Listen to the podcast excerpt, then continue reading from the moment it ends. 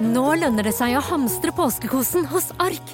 Ark inviterer nemlig til påskefest med skremmende bra nyheter, pocket fra 99 og 40% på alle spill og puslespill. Ark-påske betyr rett og slett mye påske for pengene. Så fyll opp med påskens favoritter i nærmeste Ark-butikk eller på ark.no. Otto og Anne tar pulsen på landet.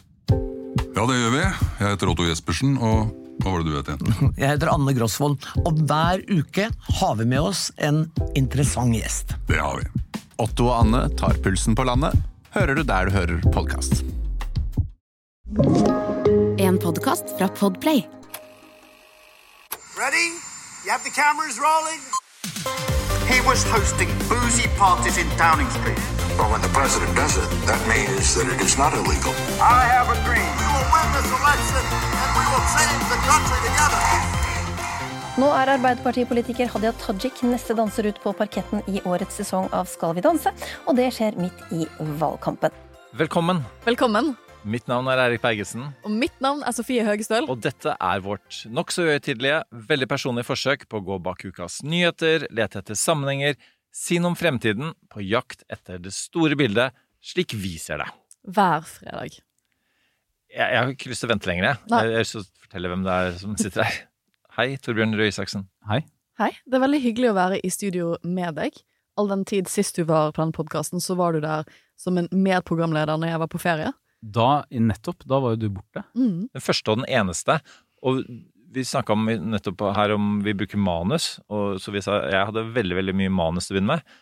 Eh, Og så tror jeg faktisk det var du som ødela alt, for at da prata vi bare. Det er du veldig flink til. Ja, jeg tror det gikk eh, liksom ut på viddene ganske raskt. Det, det, det, med en gang, faktisk. Ja. For da snakka vi om Italia-turen til Sofie. Jeg, jeg tror det var faren min som var litt sånn Det er ganske proft at når du er borte, så er vikaren din Torbjørn Røe Isaksen. Jeg tror han tenker at det var litt sånn, kanskje litt sånn vel høyt som en vikar for meg. faktisk på italiensk, neste, neste uke, når, du, når Eirik er borte, kommer Jonas Gahr Støre. Ja, ikke sant? Så bare for å fylle plassen. Jeg tror ikke det blir sånn eh, chit-chat om Italia og Det skal du Kanskje. se bort fra. Litt Frankrike. Det kan være. Han har Litt vært på ferie i Frankrike i sommer, etter hva jeg har hørt. Men altså, det, har jo, det er jo eh, vært litt av en politisk eh, skandalesommer. Og eh, det er et valg som kommer, eh, for du for første gang ikke er eh, politiker. Og så eh, har du kommet med bok. Så det, det er mange grunner til at du er gjest. Og det er. Arendalsuka neste uke. Så, Ja. det, så det er liksom pre-Arendalsuka. Og så har noen av politikerne som har gått av, og noen av de som både nå og for litt siden lansert lanserte seg selv eh, på TV og sosiale medier. Skal vi danse og Instagram. Alt dette må vi snakke om. Det er så mye som bare fortsetter å gi. Men for det, det er jo mitt lille bilde denne uken, er jo at um, det er valgkampstart. Forhåndsstemmegivningen har begynt, og det betyr også at uh, de store i Oslo, så er jo Spikersuppa, hvor alle partiene har stands, er åpnet. Så var på, i går var jeg på uh, Venstre høytidelige åpning av vår valgbogd. Uh, og da tenkte jeg litt når jeg sto der jeg, jeg, Først hadde vi sånn morgenaksjon hvor vi sto ved liksom, større kollektivknutepunkter og uh, ga ut uh, valgkampmateriale. Og da, altså, Jeg går litt sånn inn i Tusenfryd-modus når jeg står på stand. For da, da er det sånn hei, smil, øyekontakt. Jeg jobbet liksom fire år på Tusenfryd som tenåring. Um, har alle salgstriksene mine derfra, og ellers er jeg ikke så flink til å selge. Men da går jeg liksom fullt inn i Tusenfryd-mode. Og da lurte jeg på om, om du Dette må jo være den første valgkampen du ikke er med på på hvor mange år? På 20? s- Ja, sikkert. Altså, jeg Siden 1995 tror jeg ikke jeg var noe særlig aktiv. Ja. Da hadde jeg, da hadde jeg liksom så vidt meldt meg inn. Nei, jeg var kanskje litt aktiv da også, for jeg tror jeg hadde blitt med i eh, Unge Høyre. Så si, si siden 93, da. Og hvordan føles det? Altså, hvordan føles det? Får du litt sånn Får du litt sånn rykk i vet ikke, standfoten din når du går forbi alle disse politiske standene som er rundt omkring i byen nå? Skal jeg si. Ja. Det føles så godt. Men jeg, jeg syns det er veldig hyggelig å dra på stand. eh, og det en av de tingene jeg har tullet med siden jeg begynte i pressen, da, for nå er jo jobben min å være samfunnsredaktør i E24, det er at jeg har aldri møtt så få vanlige folk. Eh, noen gang, og det, det er noe sant med det. For en av de fine tingene med å være rikspolitiker i Norge, er at du får reist veldig mye rundt. Du, du, og det, og det, er, det, det er ikke helt sånn at du sitter bare i en sånn liten boble, fordi at du, du reiser rundt hele tida og møter folk, og de forteller om problemer, og du får andre perspektiver på ting og sånn. Så det savner jeg. Eh, men eh, jeg savner ikke så veldig det å stå på stand og sånn, selv om jeg syns det var hyggelig, det. Ja. Kan jeg spørre, eh, Torbjørn, du begynte åpenbart i Unge Høyre når, da du var ganske ung. Ja. Hvor ung var du? Jeg var 14-15, et eller annet sånt. Da skal jeg overraske deg med å fortelle at jeg begynte i Unge Høyre før deg. Ja, nettopp. Altså, men du er litt eldre også. Jeg er litt men du eldre men yngre altså, i, alder. alder. Ja. Yngre i alder. Jeg var Har du en mørk fortid mm. i 12 år, Unge ja. Høyre? Og jeg sluttet før du begynte, i alder. Så jeg, jeg var sånn fra 12 til sånn 13-14. Eh, og eh, greia var Jeg, jeg flytta fra USA. Hadde, hadde bodd der eh, fram til da. Kommer hjem til Norge begynnelsen av 80-tallet. Eh, kommer fra hundrevis av TV-kanaler til én dårlig TV-kanal. eh, og som hadde en ungdoms-TV bare sånn 20 minutter om dagen. Og det var liksom sånn, Jeg skrudde på TV-en, og det var ingenting på TV. Det var noe sånn snø. og, og, så, og akkurat samtidig så la altså Lars Roar Langslett, daværende kulturminister, fram eh, avmonopoliseringsmeldingen. Ja. Så man kunne, altså, man kunne få se flere eh, kanaler. Eh, Læreren min på skolen sa at det var en kjempedårlig idé med flere TV-kanaler. i hvert fall. For da, man ikke, da kunne man ikke kontrollere hva folk skulle se på. Og da oppmåna stadig vekk var sånn Hvorfor skal vi kontrollere hva folk ser på på TV? Um, han læreren, Vi er faktisk gode venner på Facebook fortsatt. Da. Han har gått litt sånn til sentrum. eh, Jeg er vel sånn et sted i midten, som, som noen sa en gang. Men, men partipolitikk var litt Jeg syns det var litt vanskelig. da, hadde- for at, ja. Det, jeg skjønner det. Vi hadde veldig mange uavklarte tanker da jeg var 12-13-14. Jeg tenkte la meg avklare det først, før jeg begynner å propagandere. Men for å, for å ta første sånn tur ut på vidda, så er det, det er litt fascinerende å se uh, de, eh, de voldsomme vyene og drømmene de hadde for mediemangfold i Norge. For Lars Oar Langslett, som, som for øvrig ble en god venn av meg etter hvert, eh, han var jo en sånn verdikonservativ, høykulturell høyremann. Eh, og det de så for seg, det de beskrev, det var litt sånn vi skulle ha kanaler med kultur og symfoni og dikt og litteratur og sånn, så jeg pleide ofte å spøke med han og si at du er jo Paradise Hotels far. For det var jo det vi også fikk. Kanskje lite grann, vi fikk også litt flere NRK-kanaler med noen sånn snevre kulturprogrammer og sånn, men det er jo ikke det som preger mediemangfoldet. De prøvde jo det på NRK2, da. Det skulle Ja jo da, bli, du, du får det, men eh, poenget er at egentlig så før så ble det jo tvangsfòret, og det er jo et eller annet med det, før så ble det jo tvangsfòret med fjernsynsteater eh, hver mandag eller hva det nå var. Eh, og alle så på det, for det var ikke noe annet å se på. Mens nå er jo det henvist til NRK2, sånn at du må velge å se på det. Og det er det jo, for å si det forsiktig, litt færre som gjør, da.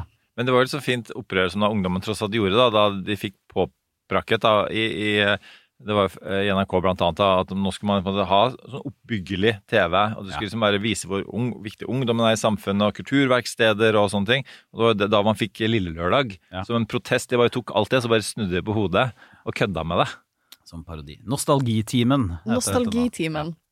Men, er, men, men så du er da ute av valgkamper for første gang siden 90-tallet, Ja. og nå har du gått over til den nøytrale pressen, som man kaller det. Ja, ikke sant? Ikke, men ikke nøytrale. Altså, og jeg, jeg jobber jo da Altså E24, som er uh, Norges største næringslivsavis, faktisk, og som ikke har Altså mange aviser har jo en sånn formålsparagraf hvor de mener noe også. Klassekampen er på venstresida, Aftenposten er litt sånn liberalborgerlig, DN er markedsliberalistisk. Vi har ikke noe sånt. Men jeg er jo, ved siden av å være eh, en eh, medredaktør, da, så er jeg jo også kommentator.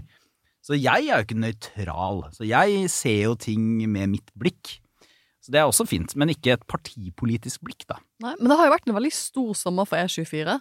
Eh, Det var jo deres eh, sommerpraktikanter eller sommermedarbeidere som breaket eh, eh, Ikke bare saken. breaket, som hadde, Som hadde hele saken, som ja. gjorde at Ola Borten Moe måtte trekke seg, eller gikk av som statsråd.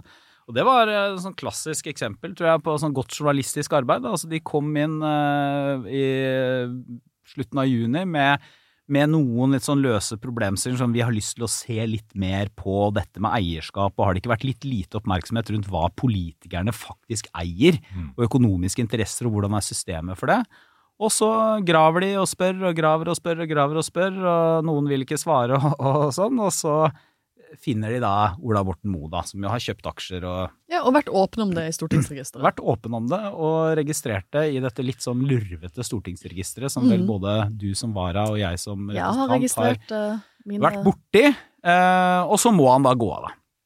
Og det er jo et bakteppe der også som er litt ekstra interessant, fordi at det er liksom Kongsberg Våpenfabrikk, eller det heter jo ikke det lenger, dette er Kongsberg Gruppen AS, som blant annet produserer våpen, i en tid hvor våpenindustrien i Norge selvfølgelig er ekstra tett koblet på eh, statens mål, eh, ved siden av at det er selvfølgelig 51% eller noe sånt statseide. Ja, jeg syns det var veldig eh, morsomt å se på pressekonferansen, for du- ser liksom alle disse fantastisk flinke sommervikarene som stiller opp og har litt andre vinklinger og litt annen type spørsmål. Det Ja. synes jeg var skikkelig gøy å se. Ja, jeg syns også at det var gode spørsmål. Og så hadde man jo rukket i mellomtiden eh, å, å ha noen litt, eldre da, i, eh, i offentligheten. Var ute og raljerte litt med disse sommervikarene. Eh, åh, så dumme spørsmål de sommervikarene stiller på disse pressekonferansene. Og du hadde vel et lite passiar med, med din eh, Ja, men- tidligere medsammensvorne Kristin Clemet, Ja, hvor du måtte så- korrigere litt. Rann. Ja, for Kristin uh, Clemet hadde, hadde en litt sånn hadde en sånn kommentar med liksom, se nå er det sommervikartid og, og sånn. Og det en ting var at det var sommervikaren hos oss som, som startet, og sammen med i og for seg en del faste journalister etter hvert, da, men drev fram denne saken. Men jeg syns også at eh, det er jo ikke sånn at når journalister stiller spørsmål på en pressekonferanse, så er ikke poenget at de skal se bra ut på direkteoverføringen til NRK eller TV 2. Eh, så det at de leser opp et spørsmål fra en telefon, det er, tror jeg er ganske smart, det, for å få et ganske presist og konsist spørsmål. Og jeg syns mange av spørsmålene ikke var av den typen Altså, det var mange ganske gode spørsmål, syns jeg, på de pressekonferansene. Absolutt. Og dette har jo vært, som Erik var inne på, en, en litt sånn ekstraordinær sommer med nyheter. Ja. Dette har ikke vært en eh, stille nyhetssesong.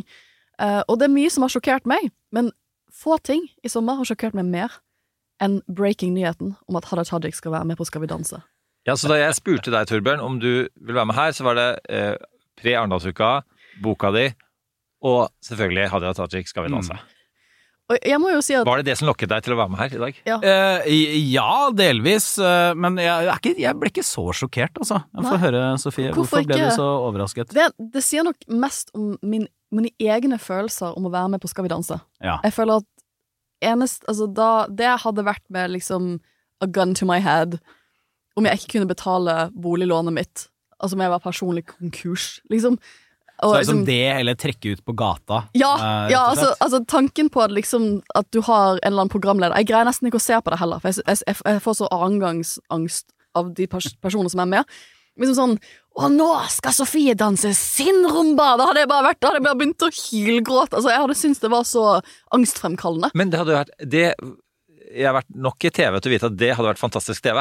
Altså det, det at du hadde vært veldig nervøs for en rumba, var ville vært enda bedre enn at du var veldig nervøs for eh, dyrearter i, Ja, altså, da vi var i, jeg- jeg- men du så jo hvor mot i alle. kjelleren jeg gikk på Alle mot alle. Det var et quiz-program, liksom. Og det gjorde de jo med vilje. Så Ja. vi, det regner med at du innså etter hvert. De, de- de- ville stresse deg mest Produsentene stresset meg ofte opp før, eh, før vi spilte inn, for de syntes det var så gøy at jeg var så Så stresset. det er jo et skup for TV 2.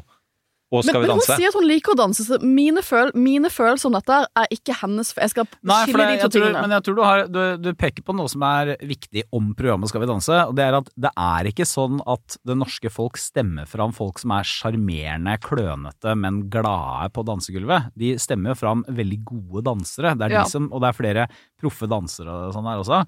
Så, så, jeg, så Hadia Tajik liker jo åpenbart å danse for at hun skal være med på dette. Og så er det jo sånn at ved siden av og Altså, jeg tror ikke hun gjør dette Jeg har ikke spurt, men jeg vil jo anta at hun gjør det fordi at hun tenker at dette ikke er en helt forferdelig opplevelse for henne. Men det er jo også en måte å, eh, å bredde ut bildet av hvem man er på, da. Og dere har sikkert snakket om det før, denne listen over de mest populære politikerne i Norge, ja. ja. sånn, hvor Emilie Enger Mehl er høyt opp. Abid Raja Eh, Abid. Raja er høyt opp, eh, og det er jo fordi at folk har blitt kjent med dem som mennesker. Abid Raja selvfølgelig, han har skrevet en sterk, viktig bok. Men Emilie Enger Mehl har ikke skrevet noen bok, men hun har vært med. Folk har blitt kjent med henne på virkelighets-TV. Det, det var dette, for jeg måtte ringe Eirik. Så vi, vi, vi har snakket om dette tidligere i uken. eh, for jeg var sånn, hva er det som skjer? Og så sendte jeg det promoklippet fra TV 2. Og like, this is really happening. Her er hun i en rosa kjole. Hun danser i promoen. Dette er ikke en spøk. Men, og, og, og liksom, VG sin overskrift var sånn 'hvorfor'?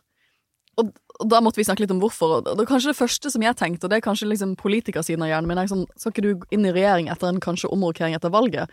Kan du bli utnevnt til regjering hvis du er aktiv deltaker på Skal vi danse? Og Hadia Tajik måtte forlate dansegulvet Ja. for å bli statsråd. Midt, midt sånn Hadia Tajik til eh, dansegulvet for sin cha-cha-cha, og så samme stemmen sånn midtveis i en dans. Sånn, kan Hadia Tajik vende seg til resepsjonen? Det står en svart bil og venter på deg. Du skal inn i regjering. Du må avbryte For det var litt det jeg lurte på. liksom. Det er god TV. Liksom, ja, det er god TV, for det, også skal hun ikke drive valgkamp. For dette Ja. skjønner jeg binder jo ikke uten august, da er Ja, hun, fortsatt den korte skal, jo, valgkamp. det skal jo sikkert drive valgkamp først, da, men det er jo um, Nei, altså alt det kan man selvfølgelig kritisere og sånn, men jeg tror jo allikevel at um, um, Altså, jeg tror, du, jeg tror du i sum ofte tjener på det som politiker å være synlig på den måten. Så er det nok vanskeligere Jeg tror mange overvurderer hvor lett det er å omsette det du har tjent på å være kjent, til noe mer enn bare eh, likandes-het. Ikke sant? Popularitet. Og der er jo eh, den jo totalt elskverdige Olaug Bollestad det beste eksempelet. Hun har et stort prev at folk vet hvem hun er. Folk liker henne, for hun er jo en fantastisk elskelig person. Men det er vanskelig for henne å omsette det til høyere oppslutning for KrF. Eh, I hvert fall på en enkel måte. Så hun har liksom eh, Hun starter fra et litt høyere nivå, men det er ikke gitt at eh, kjendiseri gjør at du får politisk eh, støtte. Nei, det er jo litt det samme med Abid Raja, han er jo nestlederen vår. Mm. Men vi har ikke hoppet opp til 7-8% fordi at han har mestselgende boken i Norge og hatt det nesten to år på rad. Han har ikke blitt leder i partiet deres heller, på Nei, grunn av disse det har han ikke. Um, Men eh, en ting som jeg syns er interessant Nå smilte at, eh, du lurt, Sofie. Ja, ja, det fikk du ikke lytterne med seg. Eh, Men eh, altså eh, det som, det som En ting er det TV-dramaturgiske her, da, men, men det politiske er interessant. fordi altså, det er jo Apropos hvorfor. altså Det spørsmålet har jo også da eh, Hadia Tajik stilt seg. En del som nok ikke stiller seg det. De tenker bare sånn Oi, det er gøy. Nå kommer jeg på TV. Det, det, dette gjør jeg. Eh, Men, men det, jeg tror at eh, Og jeg kjenner heller ikke jeg hadde tatt ikke nok til å vite dette, men jeg, jeg tror at hun lager strateginotater for eh, store, viktige beslutninger. Eh, og jeg tipper at det ligger et strateginotat et eller annet sted på Skal vi danse, med noe pro og kontra. Eh, og så Jeg tipper at den beslutningen hennes er ganske strategisk, og den handler litt om at hun måtte gå av, og litt om hva hun skal gjøre videre, og litt om hvor hun er nå. Både personlig, men også politisk. Ja, altså jeg, jeg tror i hvert fall hvis man skal lese noe inni det, da, som vi jo skal gjøre, vi som liksom lever av å Lese ting i ting, Inni i være ting. sånn uh, alger på politikken, så, så er det i hvert fall et veldig klart signal om at jeg er ikke ferdig på noe som helst måte i politikken. Ikke sant? Jeg er her for å bli. Uh, hun var jo inne i nestlederkampen, det gikk ikke spesielt bra, kom ikke i sentralstyret heller, men dette er en sånn Eh, jeg er her, jeg kommer til å være en som må regnes med, og nå eh, fortsetter jeg å introdusere meg selv for det norske folk. Det er jo det en egentlig gjør. Ikke sant? Så tror jeg også, bare si en ting, at jeg tror også Hadia Tajik er en politiker som kan klare balansen og både gjøre ting som er lette samtidig som hun blir tatt alvorlig. Altså Hun har skrevet en bok om sosialdemokratiet, eh, vært involvert i en annen, så jeg tror ikke folk kommer til å tenke at hun er en lettvekter fordi hun er med på dette. Nei, på ingen måte. Snarere tvert imot. Jeg tror også at, um, jeg tror også at alle har litt respekt for uh, Skal vi danse-formaten, for du må jo virkelig, sånn som jeg skjønte Respekt for Skal vi danse. Jo, jo men, har, men jeg, jeg har respekt for at det ligger en skikkelig jobb i det. Du kan ikke bare drite, du kan ikke ikke lære deg dansen, du kan ikke bare drite deg ut. Altså, da, da står du der på TV da, og liksom skjuffer litt frem og tilbake. Det, det er jo helt krise. Du må jo, sånn som jeg skjønte på de som har vært med, det er faktisk, det krever ganske, ganske mye innsats, og ganske mange, hvis du har lyst til å ta det seriøst, og hun er jo en seriøs person, hvis du har lyst til å faktisk satse, så må du trene mye. Det, tar, liksom, det er et stort tidsengasjement, også fordi at du må stå der på TV og danse live. Så det, det, det fallhøyden er stor. Så jeg, jeg, jeg tror folk liksom Jeg tror en del folk vil ha litt respekt for akkurat at man tør å blottstille seg på en sånn type måte. Da. Det er jo ikke så mange andre sittende politikere på det nivået som har vært med på Skal vi danse, for eksempel. Nei. Men eh, la oss svinge innom en annen politikeravgang eh, i sommer. Fordi da, da, jeg, da vi traff hverandre i studio her, eh, eller utenfor, Torbjørn, så, så satt du med nesa godt ned i eh, mobilen og scrollet på Anette Trettebergstuen-saken. Eller det vil si det som nå den ikke, Også ikke-politiske, men personlige avsløringen, som, som jo som det er ikke bare media, for hun har lagt ut selv på Instagram, at, at hun har fått en, en, en kjæreste som er en eh, Ja, det er vel ikke sagt kunstner. så direkte, da. Nei. Ikke sant? Men det er, det er muligens antydet da, mellom linjene, men det vet vi vel ikke. Så vidt jeg har sett, så har ikke hun liksom bekreftet eller Hun har vel skrevet 'I love you, Bunny' med et bilde av de to i et intimt badekarstasjon. Og hun svarer altså med at jeg, jeg, jeg elsker å skulle danse gjennom livet med deg. Men, men, men, men dette er også uansett signalet som hun bevisst sender ut, helt fra nesten første stund hun gikk av, for å signalisere et eller annet. Et, at det går ja, bra ikke- med meg, eller altså det, Ja, men jeg tror, Jeg holder tror- hodet hevet. Det er jo, det er jo Altså, en jeg, tanke jeg, jeg, rundt det. Ja, altså det, det altså, al- I én forstand så er det jo alltid en tanke rundt alt man gjør, i den forstand at man gjør det. Og da må man Ikke alle politikere. Torbjørn. Men det, er ikke, men det er ikke sikkert at uh, Jeg tror vi ofte liksom, tolker politikken for, uh, som for kalkulerende og for kynisk. Uh, og det rett og slett fordi at banalt sagt, politikere er også mennesker, og noen ganger så har man bare lyst til å vise fram sånn Hei, se, jeg har, her er jeg som koser meg med vennene mine. Mm. Eh, mange politikere har også halvveis private profiler. ikke sant? Det er sånn, det er, det er ikke en page, det er bare sin, sin egen profil, og da legger du ut sånne ting, rett og slett for at det er det folk gjør.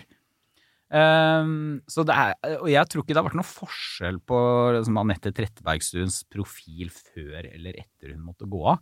Men det var jo et veldig sånn, var selvfølgelig et um, det er liksom trist sorti, da, i denne omgang. Ja, for hvis vi tar det litt den der, altså jeg, jeg ser også at liksom hvis hjertet ditt renner over av kjærlighet for noe, så klarer du ikke å la være på Instagram. Men ehm, hvis vi ser på det byråkratiske i det hele, som tidligere embetsperson, og, og du har vært tidligere statsråd, ehm, hva, hva, hvor, hvor står vi i tolkningen av det som skjedde?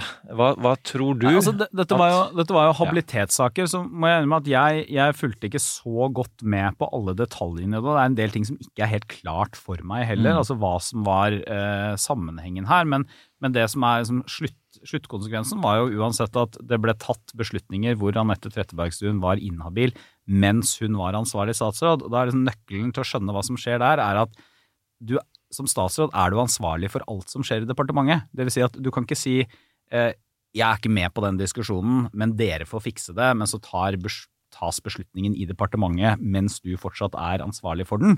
Da er du ansvarlig. Så, og så har det vel ikke helt sånn blitt kommet full oversikt over absolutt alle detaljer underveis, men det, det er jo ofte sånn at når, når man tar den politiske konsekvensen og går av, så slutter jo også pressen å grave i absolutt alle detaljer, fordi at da har, har du liksom sagt B allerede. Så da trenger du ikke å finne ut akkurat hvordan du skal uttale A. Men, men eh, den bare sånn saken med Altså eh, Er det mulig å si at habilitetsreglene de funker ganske godt på papiret. De er ganske klare og tydelige. Mens dette med aksjer osv., der er det litt mer utydelighet. Så der bør man kanskje endre på det, eller er det, Altså, er det andre regelendringer man må gjøre nå? Det er egentlig, egentlig sånn at uh, altså om noe så er nok aksjereglene klarere. Ja. Uh, men i bunn for begge disse tingene ligger at det er veldig få absolutte altså det, er ikke, det, er- er ikke forbudt å være inhabil. Det er ikke forbudt å kjøpe aksjer, eller eie aksjer som regjeringsmedlem heller. Men i bunn for begge disse tingene ligger jo eh, at du, den enkelte, må gjøre vurderinger. Og særlig på habilitet er det egentlig ganske forståelig. For du klarer ikke å kartlegge hele bekjentskapskretsen din eller vennekretsen din, og hvordan de kan være relevante i alle mulige situasjoner. Så er, du er nødt til å håndtere det selv. Og så spør du av og til hvis du er i tvil, da. Jeg, eh, lytterne hører sikkert at jeg er musestille her, og det er jo fordi at uh, Grunde Almeland Du er inhabil? Eh, ja, jeg er inhabil. Grunde Almeland som uh, uh, er nå saksordfører for disse saker i k- eh, kontrollkomite- kon- og konstitusjonskomiteen, og jeg er jo varen hans på Stortinget, så jeg syns det er veldig uryddig å snakke om den saken mens den pågår i den med den teoret... Da, da har du gjort en liten sånn uformell habilitetsvurdering. Ja. Det er jo en av de tingene man ofte gjør for øvrig i regjering. Da. Altså, det, det høres ut som om habilitetsvurdering er noe som Det er et veldig sånn stort system som skal settes i gang. De fleste habilitetsvurderinger Og jeg har tenkt sånn eh, her er jeg inhabil, eller det er ikke sikkert jeg er inhabil, men jeg er bare for sikkerhets skyld, så er det ikke sånn at du rekker opp hånda og sier du, jeg, jeg er nok litt på grensen vis-à-vis den personen, så jeg går ut av rommet. Og det er jo ikke noen stor prosess, det. Det er bare at du tenker sånn for sikkerhets skyld, så bare går jeg ut. Ja. Så jeg spoler videre. Um, for det, dette har jo vært en spesiell sommer. Du har hatt uh, Solbrillegate, du har hatt uh, mye forskjellig. Uh, og nå er jo valgkampen med åpningen av forhåndsstemmegiving i går, så er virkelig valgkampen i gang. Nå har det en enmånedsperiode hvor folk kommer til å stemme aktivt gjennom hele perioden. Og så har de fleste større valgkretser som Oslo to formelle valgdager, som da er 10., eh, søndag 10. september og mandag eh, 11. september. Så nå er valgkampen virkelig i gang. Det kommer til å gå superfort de neste fire-fem ukene. Hva er ståa nå? For i opptakt til at valgkampen virkelig trår i kraft nå, så har man jo fått en del nye meningsmålinger denne uken. Og det gir et interessant bilde på vei inn i valgkampen. Jeg så TV 2 for å hype eh, Eirik sin eh, For du skal vel dekke litt av valget for Ja, TV 2? skal være med, være med på valgdekningen på TV 2. Jeg gleder meg til å se dem på, på TV på valgkvelden. Um, de kom jo ut med en omfattende kommunebarometer um, for noen dager siden. Uh, hvor uh, tallene for Arbeiderpartiet var historisk dårlige. Da er vi liksom tilbake på litt det vi har snakket om før, liksom historisk dårlige tall for Arbeiderpartiet, hvor, det, hvor de kom inn på 17,8. Og for å sette det litt i perspektiv, da, så fikk de jo um, i, eh, I 2019 så fikk de vel 7 prosent mer enn det, altså noe sånn 24 eller et eller annet sånt. Og det var jo historisk dårlig da. Det var et krisevalg for de da.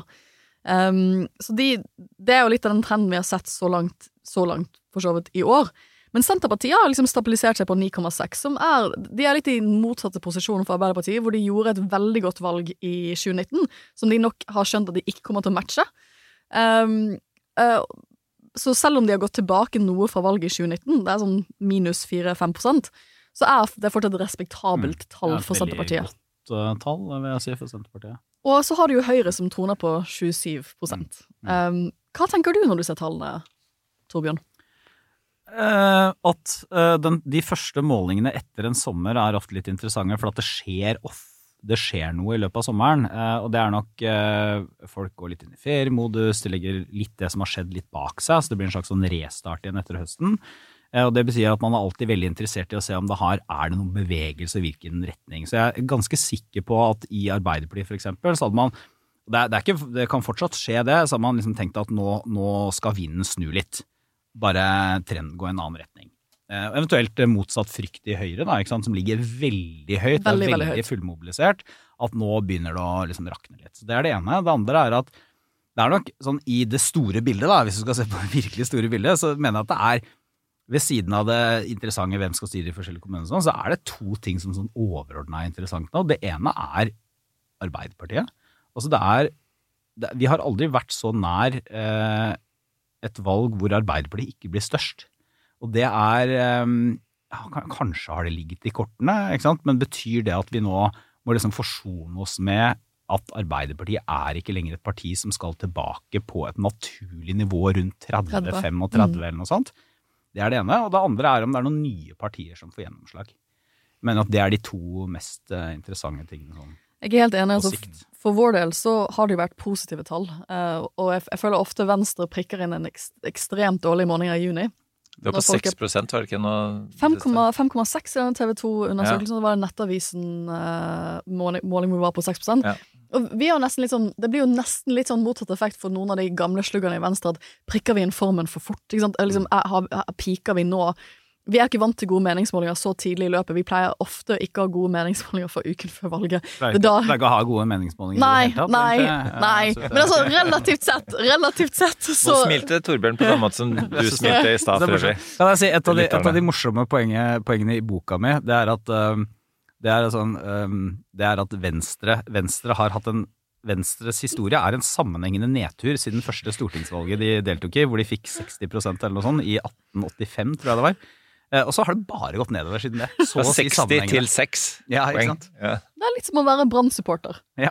Det er liksom av og til, ja. Og av og til kan man vinne Altså, cupen. vi jublet høyt på Peoples rundt hjørnet her Ja. eh, da vi tapte bare 1-2 i går eh, i Europacupen. Jeg tenker Det andre partiet som pekte seg litt ut for meg når jeg så tallene, det var Rødt, Mm. som har falt. I Halvert pga. solbrillesaken. Og tenk, altså en skandale som betyr ja, Det var litt interessant, for en skandale som faktisk betyr noe. Vi er jo vant til amerikansk politikk hvor eh, Donald Trump er, altså, han prøver å stjele valget, blir siktet og tiltalt og skal ha en rettssak for det. Og det forandrer ingenting. Men så er det altså disse, det ene solbrilleparet som ser ut til å Altså, tenk om Trump hadde blitt halvert. Ja, ja, men jeg, jeg tror, ikke, tror ikke det, altså for Rødts del. For jeg, jeg, jeg tror at når man, eh, når man leser, liksom prøver å lese politikken og lese hvem er det som har bærekraftig oppslutning eller ikke, så er du nødt til å se på ikke bare hva partiene har, men du er nødt til å se på har de funnet en naturlig nisje Mm. Um, Et i det budskap. politiske Ja, ikke sant? landskapet. Ikke sant? Og, og Rødt har gjennom ti år nå jobbet veldig systematisk med å finne den nisjen. Som en veldig tydelig sånn venstreopposisjon til Arbeiderpartiet, men de har også klart å få inn nye velgere. Altså, Rødt har jo liksom for første gang i sitt liv, delvis i hvert fall, fått både en del velgere som vi kanskje kan kalle arbeiderklasse, mm. men også en del velgere som har, mange velgere som har dårlig råd, dårlig økonomi, ikke lang utdannelse. Så den derre- det er ikke lenger et liksom, professor, urban middelklasseparti, som det til dels var en lang periode. da. Ja, og det, det, det, jeg har jo vært veldig imponert over det arbeidet Rødt har gjort de siste fem til ti årene. Det, det, inspirerer jo at et parti får det til å, å bygge opp en større base, og så beholde den over tid. Men det blir jo spennende å se hvordan valgkampen blir for en ny partileder som skal ut i den rollen eh, med dette bakteppet, da. Og, og det er litt interessant med henne. Jeg snakket med noen i SV som var livredde for altså Marie Sneve Martinussen fordi at hun er så flink.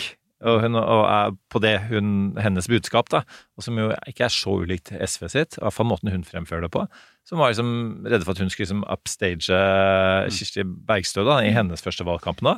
Og det, den frykten tror jeg er ganske reell, for at det, det var ikke måte på hvor mye uh, åtgaum uh, hun fikk da hun på, en måte, på den pressekonferansen hvor hun overtok da, partiet. Ja. Ja, Ja, det kan godt hende. Samtidig, samtidig så ville nok jeg Tror jeg at et parti som Rødt fortsatt er der hvor liksom opptredenene på Altså En ting er at debatter er blitt mindre viktige, fordi at veldig mye av politikken kommer nå via sosiale medier og sånn, så det er en annen måte å kommunisere på. Men at Rødt også er mindre eh, avhengig av gode debattopptredener for å nå gjennom. Eh, og hvis du ser på sånn gjennom åra, så har jo ikke Bjørnar Moxnes har i hvert fall, ikke hvis du spør mine kollegaer i kommentariatet, så har jo han De gir jo alltid dårlig terningkast til Bjørnar Moxnes, nesten konsekvent, sånn så, vidt jeg husker. Men han har vært en veldig effektiv debattant, fordi han har nok liksom minnet de som ser på om hvorfor de, stemmer, hvorfor de har tenkt å stemme Rødt. Eh, og det er, det er veldig forskjell altså Når man vurderer hvordan gjør partiledere det, så er det veldig, man må huske på hva er utgangspunktet. Ikke sant? Det er eh, Rødt skal minne velgerne på hvorfor skal du stemme Rødt, og være i opposisjon til de andre. Jonas Gahr Støre må eh, ha liksom mye å vinne og lite å tape fordi det går dårlig. Erna Solberg har mye å tape og lite å vinne, og det tilsier litt forskjellig debattstil, rett og slett. Og Det betyr at det er ikke så farlig. Jonas Gahr Støre må gjøre det skikkelig bra i debattene, sannsynligvis. Mm. Eh, og vise både statsministerstemmen sin og eh, det moderne sosialdemokratiet. Mens Erna Solberg kan nok kanskje rusle litt mer Stille, stille, stille i gangene. uten at det gjør så mye For dette skade. er jo spennende, for neste uke Det er jo da en uke til den første partilederdebatten i Arendal. Som virkelig Jeg så at VG var sånn 'Første partilederdebatten!' Og så var det ikke alle partilederne! Nei, så venstre, for, som en venstrevelger så syns jeg ikke det var den første partilederdebatten. Men eh, for de som var der, Ja. eh, og det var du også, Torbjørn Og så på et par partiledere som snakket sammen. Fire var det, var det ikke? Det var da, så I tillegg til eh, Høyre og Arbeiderpartiet så var det da eh, Senterpartiet og Frp. Og det som slo meg, da, eh, var egentlig litt eh, det du sa nå, at det er egentlig eh, altså partilederdebatter så viktig lenger. Fordi jeg følte vel at i den grad det, det kan være det så Det er jo liksom vi alltid sier i amerikansk politikk, en, en, en, en, sånn, en sånn presidentdebatt kan være kjempeavgjørende. Mm. Men, men det er sjeldne. Men det, men det kan gjøre det. Det kan gå en ene eller den andre veien. Det har det i hvert fall gjort i tidligere presidentvalg. Mens nå, det, det er på en måte ingen Det var akkurat som det var sånn herre ja, jeg synes ingen var sånn De fikk jo sånn terningkast fire over fløya. Jeg tror. Listhaug fikk eh, ganske høyt eh, terningkast. Ja, det var av VG sjøl, da. Jeg tror, jeg tror det legger litt føringer eh, Altså Grunnen til at det er viktig, eh, er også for det, er fordi at Eller at det fortsatt er litt viktig, er for at det legger noen føringer for hvordan partiene blir oppfattet ved inngangen til valgkampen. Så hvis du ser for deg det motsatte, da, hvis f.eks. Trygve Slagsvold Vedum, som gjør en ganske solid diskusjon på denne VG-partidebatten Hvis han hadde bare falt sammen i møte med en offensiv Sylvi Listhaug, så hadde det blitt veldig lett sånn Senterpartiet er i full oppløsning. Nå, er Melkøya og Trygve Slagsvold Vedum klarer ikke å svare for seg. Han er åpenbart ukomfortabel med å ha makt og bli konfrontert med tidligere løfter og sånn. Men nå er det motsatt. Hvis Sylvi Listhaug hadde virket veldig sliten eh, og litt sånn dratt, så ville det blitt lett at historien sånn Frp gjør det jo ikke så bra. Har ikke Sylvi Listhaug egentlig vært ganske mislykka? Men så står, fremstår hun som veldig offensiv og gode som one-liner, og egentlig den, den proffeste politikeren der.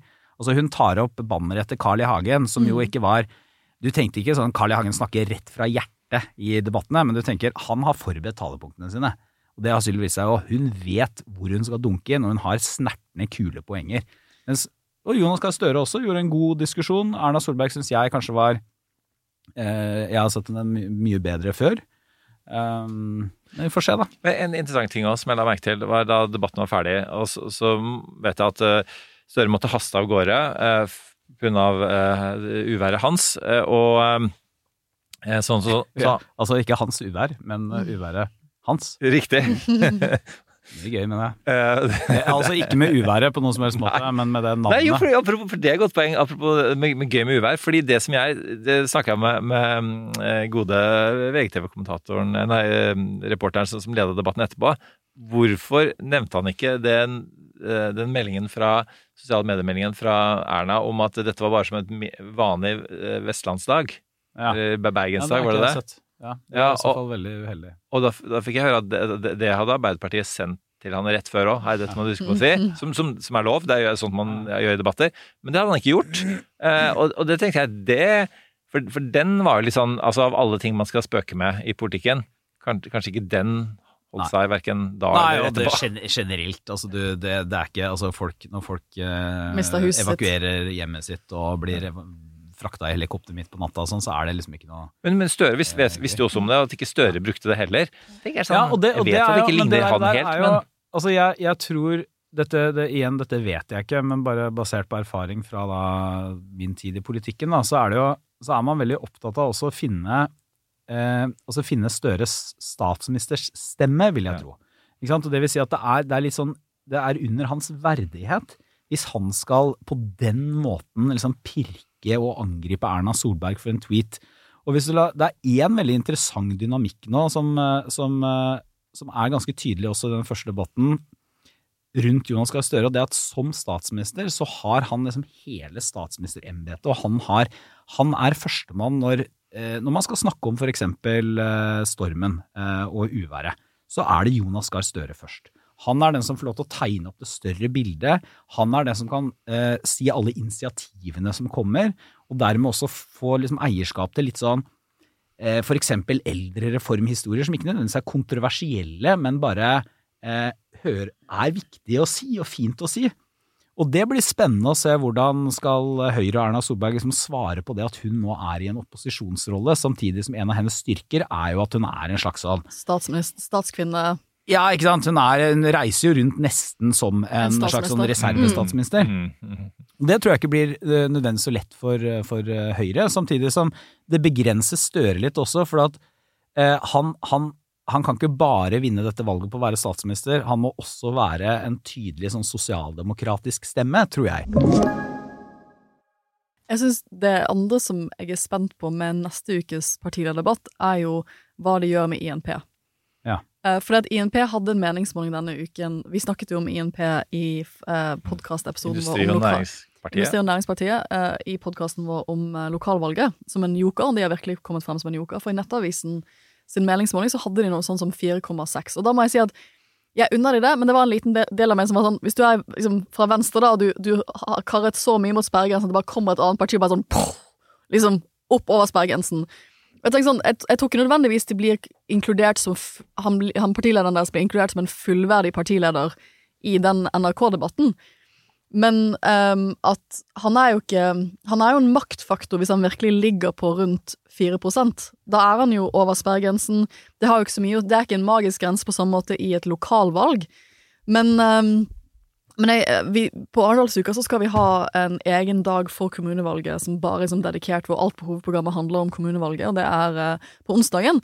Og da har vi en debatt som vi har kalt De andre. Og det er Men vi mener du altså Arendalsuka som sådan? jeg- Nå snakker jeg som eh, Ja. medlem av hovedprogramkomiteen til Arendalsuka. Eh, og dette snakker Nå ble jeg veldig sånn redd for at jeg skulle være med Nei, på et eller annet som ikke, du ikke har fortalt meg om. Du skal ikke være med på dette, men denne, denne, Det er mer enn nok å planlegge barnehageuka allerede. denne debatten la vi opp i Vi legger jo mye av føringene for hovedprogrammet i februar, og det er alltid litt vanskelig, for du prøver å treffe hva, hva blir aktuelt om et halvt år. Men vi tenkte det ville være gøy å ha en egen debatt som vi har kalt De andre, som er en partilederdebatt for alle de andre partiene, som kom, kommer under den søylen som man ser når man ser på meningsmålinger, som er de andre.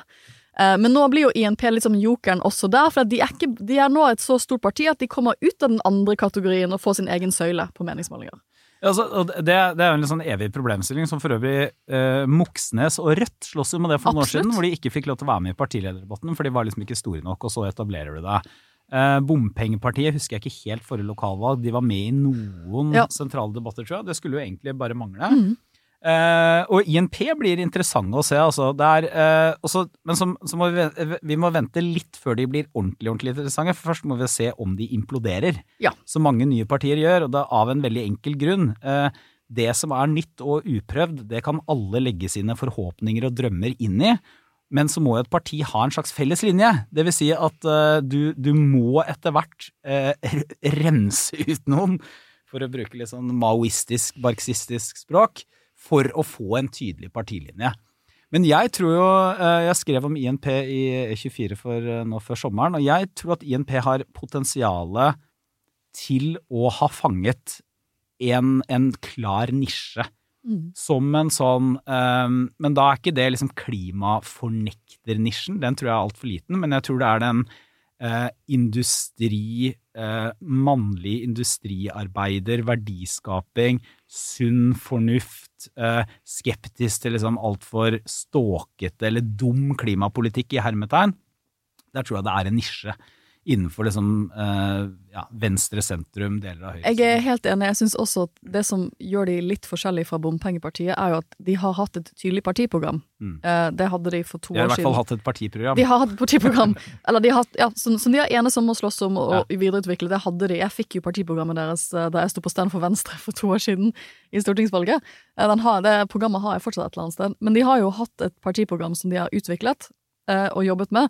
Og det hadde, jeg følte Bompengepartiet var aldri helt der. At de organiserte, og, og, da, også- også og da ble det så mye forskjellige ting det- når de først Men, men det er nettopp også er det en veldig stor forskjell på om du organiserer deg rundt én sak. Mm. Bompengepartiet var veldig tydelig organisert rundt én sak, og så hadde de jo De spilte jo også på eh, det samme bildet av liksom en, en etablert politisk elite som ikke skjønner folk og sånn, men det var liksom ikke så veldig mye utover det. Mens Industri- og Næringspartiet har jo også én, ett saksområde i hovedsak. Men vi har i hvert fall eh, Det er et bredere saksområde, da. Det er liksom klima, energi, det er næringspolitikk. Pluss at de det er jo ikke som om de standpunktene ikke eksisterer i det hele tatt. Altså Noe av det finner du i Senterpartiet, noe finner du i Arbeiderpartiet, noe finner du i Fremskrittspartiet, men de baker det sammen til en helhet som jeg tror kan ha en, En appell. en appell. Absolutt. Altså Som et slags sånn eh, altså Egentlig er jo Industri- og Næringspartiet kraftsosialister anno 2023. Det er det jeg tror er deres nisje. Men du sier at, at uh, altså, uh, Vi skal ikke gå inn på den, de har også hatt sin Vi- vi må- sommerpolitiske skandale. Vi må snakke om boken Ja, hans. ja, ja. Er du gæren? Ja. Jeg, jeg, har, jeg har en bro, jeg, faktisk, i okay. boka. Jeg kan godt ta den fra denne. Uh, nei, fordi ehm, eh, at de, jo, de har også hatt sin politiske sommerskandale, eh, som det- kanskje man bare kunne forvente. Så jeg vet ikke om det kommer til å endre så mye. Men, men det er også snakk om sånn, apropos utrensning, om sånn at eh, partilederne ble eh, kalt som diktatorisk fra Oslo-avdelingen osv. Men eh, nei, eh, du sa dette med Torbjørn, at, at eh, det er ikke stor nok nisje å være klimafornekter i Norge. Men eh, Melkøya-saken kan jo tyde på at kanskje, og, og en del meningsmålinger, eh, tyder på at, at Norge er ganske langt fremme faktisk på klimafornektere i målt med andre land. Ja, altså Visstnok så, så er det jo målinger som viser at vi har en høyere andel sånn klimaskeptikere, Ja. eller klimarealister, som de vel foretrekker å kalle seg selv, da, som jeg mener er litt sånn falsk eh, betegnelse. Eh, og det, det er jo lett å se det i sammenheng med liksom olje- og gassnæringens posisjon og sånn. Eh, og det er, ikke noe, det er ikke noe tvil om at altså, hvis, man forsøker, hvis man løfter blikket da, og ser liksom vestlig politikk under ett, så er det liksom forskjellige sånne drivkrefter som driver det man noen gang kaller mer sånn populistiske bevegelser. og Da mener jeg ikke det som en negativ betegnelse, da mener jeg det som en forsøk på en presis betegnelse. Eh, og som eh, i lang periode selvfølgelig hadde innvandring som, som den altoverskyggende saken. Eh, og så er jo klima mer og mer i ferd med å komme inn. Eh, og det er interessant, for klima er ikke, det er ikke på samme måte en, en høyre-venstre-sidesak. De gule vestene i Frankrike, var, hva var de? Var de høyre eller venstre? De var begge deler. Eh, pluss veldig, veldig, veldig franske. I, I hele sin uttrykksform og måte å drive sosialt opprør på. Eh, men det, det, den, en sånn klimaprotest, eh, og da iblandet det som er kjennetegnet på all populistisk politikk, nemlig en kamp mot eliter som ikke forstår vanlige folk. Ikke sant? Det er kjernen i populismen. Det vil bli eh, helt utvilsomt en, liksom, en viktigere politisk kraft i Vesten fremover. Der er Har vi broen broen? Fordi eh, kampen mot eliter, eh, og en, en berettiget kamp òg, eh, en deler av det som måten elitene har sviktet på, er vel eh, noe av det du skriver i boka di, som heter 'Ingen tror på nåtiden'. Mm. Eh, og eh, det, er, ikke undertittelen, men det kunne vært mens alle trodde på eh, jeg håper å si 80, slutten av 80-tallet og begynnelsen av 90-tallet. Kan ikke Mm. Ja, det bare- var en veldig ja, eh, optimistisk tid, da, i ja, hvert fall. få høre, høre litt deg Nei, fortelle det, om det. korte, det korte resumeet er jo at eh, vi står ved det som et vakkert norsk ord kan kalles et tideverv. Altså et grunnleggende vendepunkt eh, i historien. Og da mener jeg ikke sånn tusenårsvendepunkt, altså da mener jeg sånn 50-årsvendepunkt. Hvor de neste 30-40 årene kommer til å bli fundamentalt annerledes enn de 30-40 årene vi har lagt bak oss. Og og for å forstå hva som skjer nå, så forsøker jeg å bare skissere opp litt hva som har eh, foregått i de siste 30-40 årene. Og det er jo veldig sterkt preget av denne voldsomme liberale utviklingsoptimismen etter Berlinmurens fall og den kalde krigens slutt. Altså Som jo er helt sånn epokegjørende. Altså plutselig er den store Det er som om plutselig liksom eh, fundamentalistisk islamisme, eh, voldelig fundamentalistisk islamisme, hadde blitt borte i løpet av et år. Altså bare Plutselig så, så var det ikke noe mer. Og det er det som skjedde med Sovjetunionen. Og en del av det er jo å forsøke å pirke litt i, eh, i en del forestillinger som vi vet, også basert på meningsmålinger, da, er mer til stede i eh, den eh, samfunnssjiktet vi alle tilhører, nemlig den urbane, utdannede middelklassen, eh, som jo også er det beste rekrutteringsgrunnlaget for samfunnseliten. da. Og der er det noe interessant, og det jeg forsøker å gjøre i denne boka, er egentlig ikke Det er ikke noe sånn fullskala forsvar for populismen, men det er, det er å pirke litt i sånn vår egen selvforståelse også, hvor, hvor det er veldig lett å tenke at det er, det er liksom de andre som De andre som ikke skjønner, og de er ufornuftige, de lar seg forlede av stemningsbølger og, sånn, mens vi sitter og for, forpakte, for, forvalter en eller annen sånn kompakt, eh, fornuftig, moderat politikk. Og så er det jo en del eksempler på at det slett ikke er tilfellet. Bare La meg ta to. Det ene er det som har skjedd med innvandringsdebatten i Norge. Nå er den litt på sparebluss, men ikke noen tvil om at der hadde motstanden mot innvandringspolitikken eh, er i stor grad det som i dag Eller ikke alle rasismen, sånn, men motstanden mot det er det, som i dag har blitt en slags politisk konsensus. Og det kom ikke fra toppen, det kom delvis som en sånn grasrotopprør. Andre interessante er, apropos det nevnte USA, eh, hvem, hvem var det som advarte mot at Europa var så dønn avhengig av russisk gass? Gang på gang på gang, det var Donald Trump.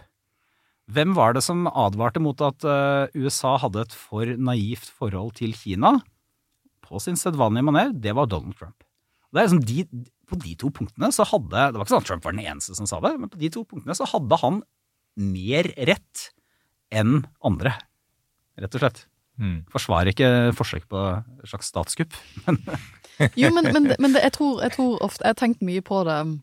Vi får jo mye spørsmål nå om hvorfor er det så mange republikanere som tror han vant valget, og hvorfor, er, hvorfor, er det så, liksom, hvorfor gjør han det så godt i meningsmålingene? En sånn, sånn uh, meningsmåling uh, i USA nylig på liksom, deres favoritt liksom, sånn, offentlige figurer, og jeg tror Prince William var liksom den mest populære. men, liksom, men Trump og uh, Biden fikk begge 41 hver. Mm. Og det, jeg, liksom, de er, og det tror jeg for en nordmann vil være veldig vanskelig å forstå. Men det er jo nettopp det at man, man, man skjønner ikke at Trump snakket om en del ting som virkelig traff. Mm. Det, det ga en gjenklang. Også fordi at, som du sier, han hadde rett om russisk gass. Han hadde rett om han har fundamentalt endret eh, også Kina-politikken til demokratiske. Ikke sant? Han, har gjort et, altså det, han har skiftet utenrikspolitikken der. Eh, og eh, hvis du ikke prøver å forstå, forstå den realiteten, så kommer du ikke til å skjønne det fenomenet som skjer nå.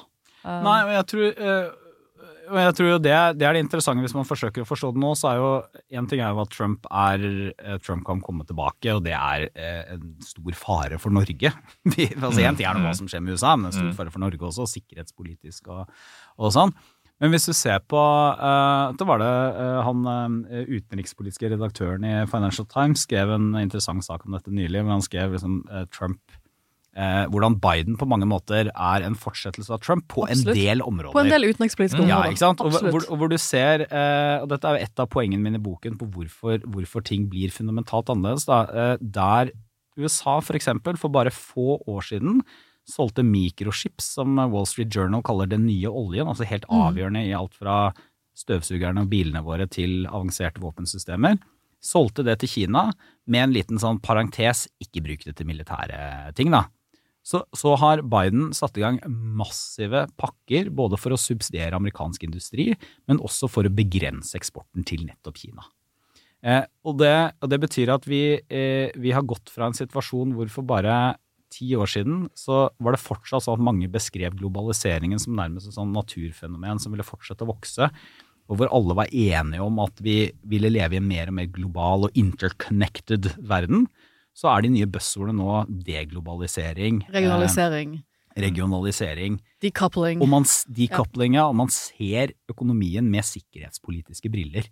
Og selv om det aldri i vår levetid skulle bli en militær konflikt mellom eh, Kina og USA, f.eks. pga. Taiwan, så vil det fundamentalt endre spillereglene i økonomien.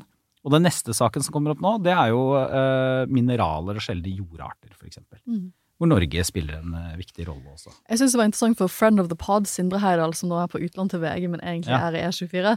Han eh, skrev en uh, kronikk da i VG. Jeg tenker jo på litt, litt sånn det samme, men, men Det eh, er veldig viktig for oss å si at vi ikke er det samme, men vi er eid av VG. da. Han er av stoffutveksling. Ja. Ja, han er Anyways. offutveksling, men han skrev en god kronikk og spennende kronikk om Kina for et par dager siden, hvor poenget hans er at nå skjer det mye rart i den kinesiske økonomien, Mm. som gjør at også en del av de diskusjonene vi har hatt om at det er uunngåelig at Kina kommer til å bli den største økonomien om 10-20-30 år, det er det også flere spørsmålstegn til. Litt fordi det, det virker å være veldig mye forskjellig som krefter som utgjør at de nå er i den økono økonomiske situasjonen de er, hvor de har ekstremt høy ungdomsledighet. Mm. Altså virkelig sånn latterlig høy ungdomsarbeidsledighet. eh, og en slapp økonomi. Ja, Um, sl- slapp økonomi og store problemer i boligmarkedet sitt, Ja. eh, etc.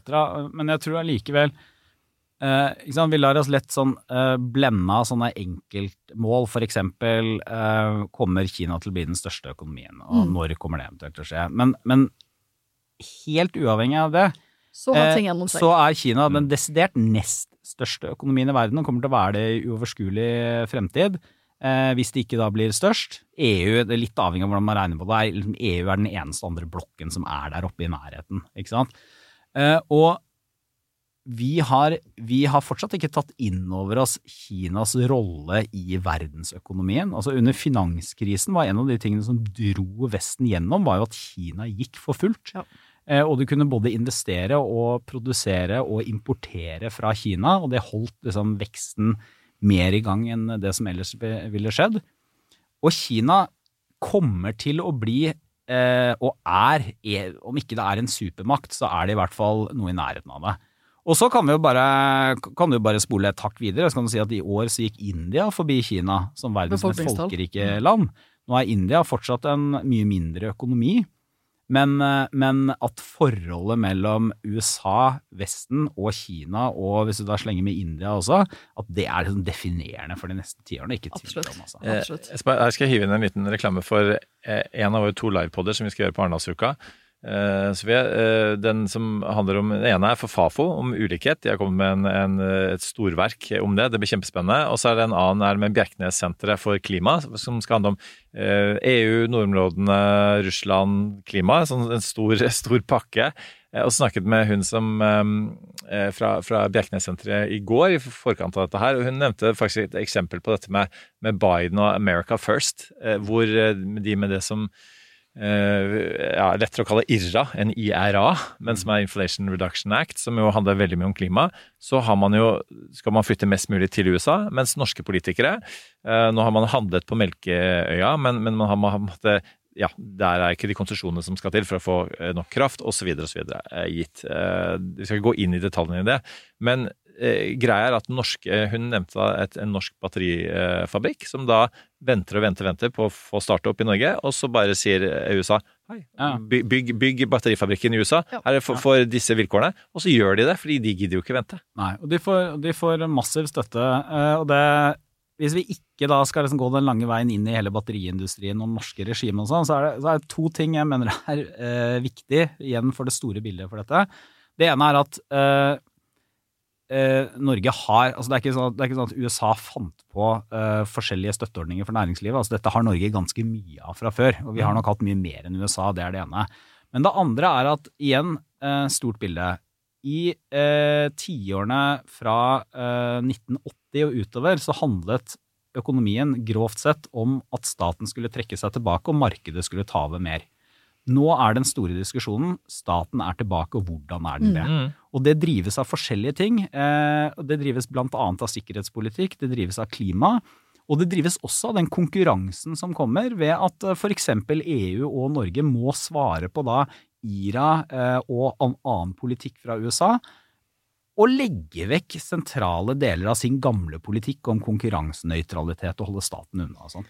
Jeg har et, et spørsmål som Det hopper jo litt, da, men det, liksom, i lys av For vi har jo også snakket mye om at det endrer, verden, eh, verdensbildet, og vi har vært på samme konferanse hvor vi også Mm. begge har snakket om dette. og det det er jo ekstremt spennende å tenke seg liksom, hva blir de neste 10-20 årene med denne, denne, dette skiftet vi, har vært, liksom, vi er midt oppi, eh, som vi prøver å samtidsanalysere så best vi kan. Men jeg, jeg har ikke fått lest boken ennå, eh, for den kommer nå, ikke sant? Ja, den kommer i disse dager. I disse dager. Ja, den er vel i butikken nå, faktisk. Ja, jeg gleder meg. Um, men sånn, ut ifra det som er skrevet i ingressen, så virker det jo som om du prøver å finne litt optimisme i nåtiden. Ja, det, det var i hvert fall ambisjonen, og så fikk jeg ikke så mye Jeg fant ikke så mye For av det, det, det var spørsmålet mitt, for jeg, jeg skal lede en samtale om håp på Arendalsuka. Ja, ja. Så jeg ville spørre om, om liksom, var, det, var det bare pessimisme, eller var det realisme, eller hva, hva, hva endte du opp med? Nei, altså det, det, det jeg ender opp med, og det, det krever egentlig dessverre litt sånn halvlangt resonnement, men, Det er men eh, jeg, jeg, skriver, jeg skriver ganske mye i boken om hvordan ehm, andre aktører, altså særlig da Russland, spiller på den interne polariseringen i Vesten eh, i propagandaøyemed. Eh, det kom et eh, sånn notat fra en russisk tenketank for noen år siden som beskrev liksom, hvordan Putin kunne bli den, den verdenskonservatismens hærfører, på en eller annen måte. Og, det, og kjernen i det budskapet, det er en, eh, en veldig klassisk kritikk av det liberale, som eh, ofte også har kommet fra konservative. Jeg har, har stor sympati for den også, deler deler av den kritikken. og det er at det liberale samfunnet mangler liksom et etos. Altså Det liberale samfunnet er bare en kontrakt for at forskjellige mennesker skal kunne holde på med sitt, og dermed så har man ikke noe som binder oss sammen. Det er ikke noe tykk kultur. Og dette kjenner vi igjen i veldig mange av diskusjonene som går. Eh, og så er da spørsmålet eh, Ja, ok, enten kan vi jo da eh, lage eller ta vare på eller beholde en sånn tykk kultur. Det er litt sånn, det er ikke, he, det er ikke Kinderkirche Kyrche, altså, men det er allikevel eh, litt sånn nynasjonalisme og sånn, som igjen, mye av dette mener jeg er viktig. Jeg tror på sunn nasjonalisme, for eksempel. Men det, men, men det er jo samtidig kjernen i mye av polariseringsdebatten i verden i dag. Og det betyr jo at da, da kommer man i en sånn teoretisk, politisk, filosofisk eh, eh, catch 22, hvor eh, hvis du ønsker at de liberale samfunnene skal få et sånt etos, så må du vinne en kulturkrig som er helt umulig å vinne, kanskje ikke ønskelig at noen vinner. Eller så må du da bare resignere og si at vi er bare kaos. Er det alternativet? Og da er jo da det liksom banale poenget til slutt, det er jo at på et eller annet punkt så er det jo, det er jo nettopp rammen rundt dette som er verdt å forsvare. Eh, og det er det noe som utgjør etoset til et liberalt samfunn, eh, så er det jo rammen som gjør at vi kan ha eh, fyrige, eh, heftige, vanskelige, tunge, Debatter. rotete debatter. Eh, Så den, den eneste sånn, det, det optimismen jeg finner, er jo at eh, Vesten har jo faktisk nå i møte med Ukraina-krisen og Russland og sånn klart å mobilisere og på en måte funnet sitt etos. Mm. Ikke fordi at vi er så innmari enige om akkurat hva det er, men fordi at når kontrasten blir Putins Russland, så blir det veldig tydelig hva eh, den kristenkonservative og homoaktivisten faktisk har sammen til felles.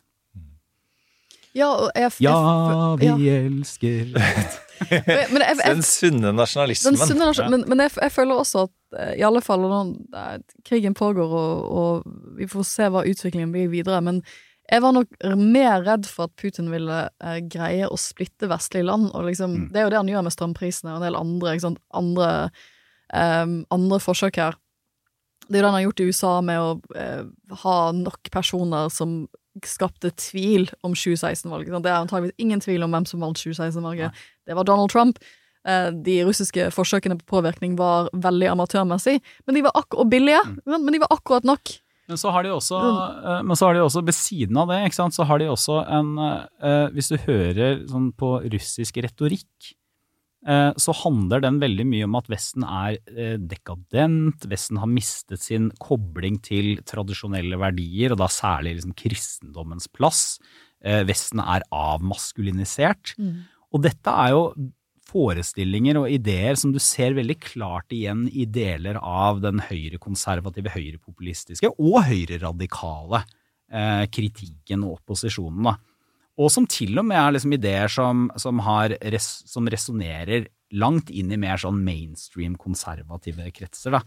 Men så er det jo, det, det positive er jo da at det, det har jo ikke lykkes. Ikke sant? Du, du ser, eh, og alle de som heldigvis, da, så ser man jo at også der mer sånn høyrekonservative Meloni i Italia eksempel har kommet til makten, så har de jo, så har de jo reorientert seg ganske Og holdt kraftig. en, en linje Ja. en, Så det er kanskje Urban i Ungarn som er liksom Men selv han er jo i denne sammenhengen innenfor den ja, og, vestlige og blokken. Polen også, ikke sant. Det, det, du har Ja, Polen er jo veldig tydelig, Veldig og det tydelig, jo, men det handler jo mer om liksom pol, polsk tradisjonell Ja.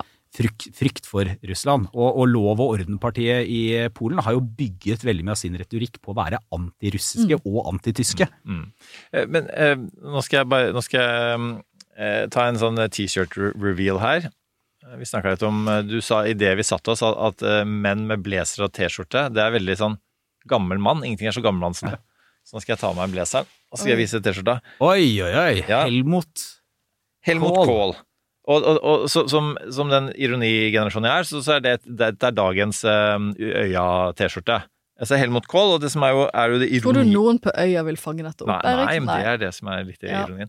Vesen. Men, men, men, men det som også er ironiens vesen, er at dette er jo en sånn, sånn prangende sånn litt sånn her eh, eh, slags Barbie-kjendiseriaktig med Helmut Kohl. Ja. Og da er mitt politiske poeng må du høre, eh, at eh, ja, nå snakker, jo godt og så har jeg skrevet godt om, om, eh, om det var, hvor man sviktet og hvordan populistene har plukket opp en, bedre samfunnsforståelse, da, rett og slett, og, og hvordan vi kan komme ut av det. Men hvorfor gikk det galt? Og, og for sånne som Helmut Kohl var jo, om ikke de var på T-skjorter sånn som dette her, så var det folk vi tenkte sånn, ja, liksom teknokratisk, han ordner opp, lager planer, Merkel og for så vidt i forlengelsen av det, fikser liksom en slags sånn samfunnskontrakt som gjør at vi alle andre kan holde på, enten vi ønsker å være individer eller, eller vi skal være, være mer kollektive.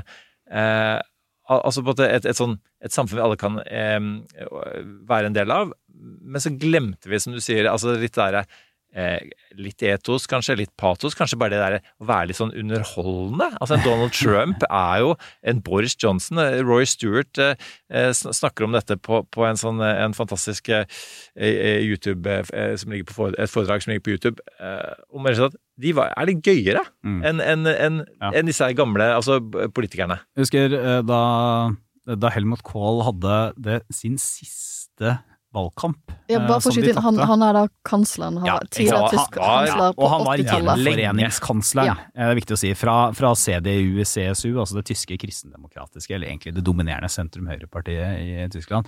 Og da han tapte valget, nå husker jeg ikke det var, men da husker jeg sånn, sånn button med bilde av en svær elefant, og så sto det bare 'Der Kanzler kommt'.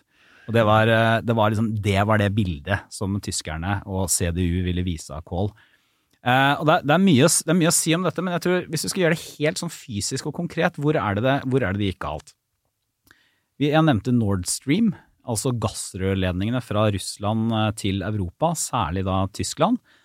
Eh, Nord Stream 2, den planlagte nummer to gassrørledningene, ble avsluttet, terminert av tyske myndigheter ca. en måned eller noe sånt før invasjonen Mm. av Ukraina.